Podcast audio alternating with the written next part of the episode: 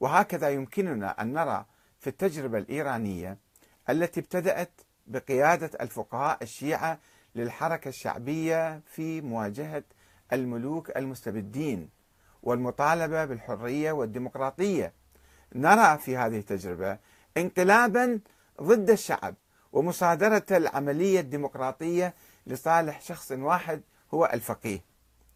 هذا الذي يتربع على أعلى السلطات ويمتلك بين يديه جميع المؤسسات الدستورية رئاسة الجمهورية ومجلس الشورى ومجلس الخبراء ومجلس صيانة الدستور ومجلس القضاء الأعلى أيضا بحيث يحوله إلى حاكم مطلق فوق النقد والمحاسبة والتغيير.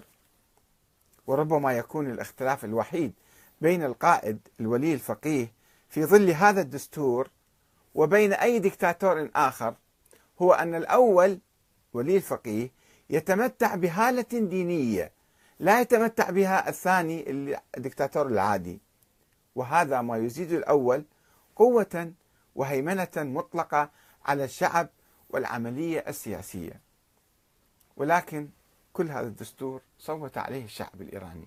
يعني هو ارتضى أن يكون النظام دكتاتوريا أو يكون بهذا الشكل اللي يعطي كل الصلاحيات لشخص واحد. وفي طبعا هامش من الديمقراطية تحت ظل القائد الأعلى. هناك رئيس الجمهورية كل أربع سنوات يتغير. هناك مجلس الشورى مثلا. في مساحة من التغير وحرية الحركة وحرية الأحزاب مثلا في داخل في داخل آه، هذا السقف. ولكن لا يتجاوز النقد أو الممارسة الديمقراطية. ما تصل إلى القائد الأعلى الذي يبقى مثلا طول عمره 30 40 50 سنة 70 سنة الله أعلم.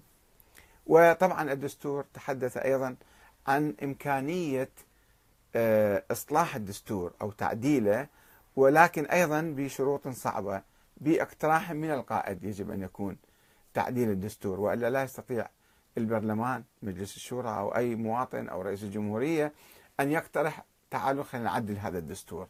حتى لو شعروا أن هذا في ثغرة أو في ثغرات أو مشاكل لا يمكن تعديله إلا بشروط صعبة. وبالتالي آه، نأمل أن آه، يتم إصلاح هذا الدستور أو تعديله. نحن لا نتحدث عن آه، فترة معينة أو شخص واحد لأن هذا الدستور يمكن يستمر مئات السنين.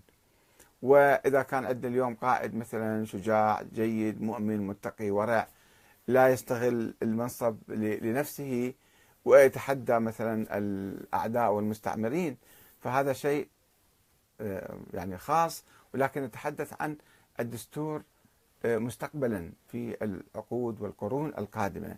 إذا قدر الله أن يبقى هذا النظام فلا يجوز أن نسمح لأي شخص أن يأتي وقد ينقلب على الشعب ويصبح دكتاتورا مطلقا مستبدا مطلقا بهذه الصورة بهذه الصلاحيات يستطيع أن يلعب بالنظام.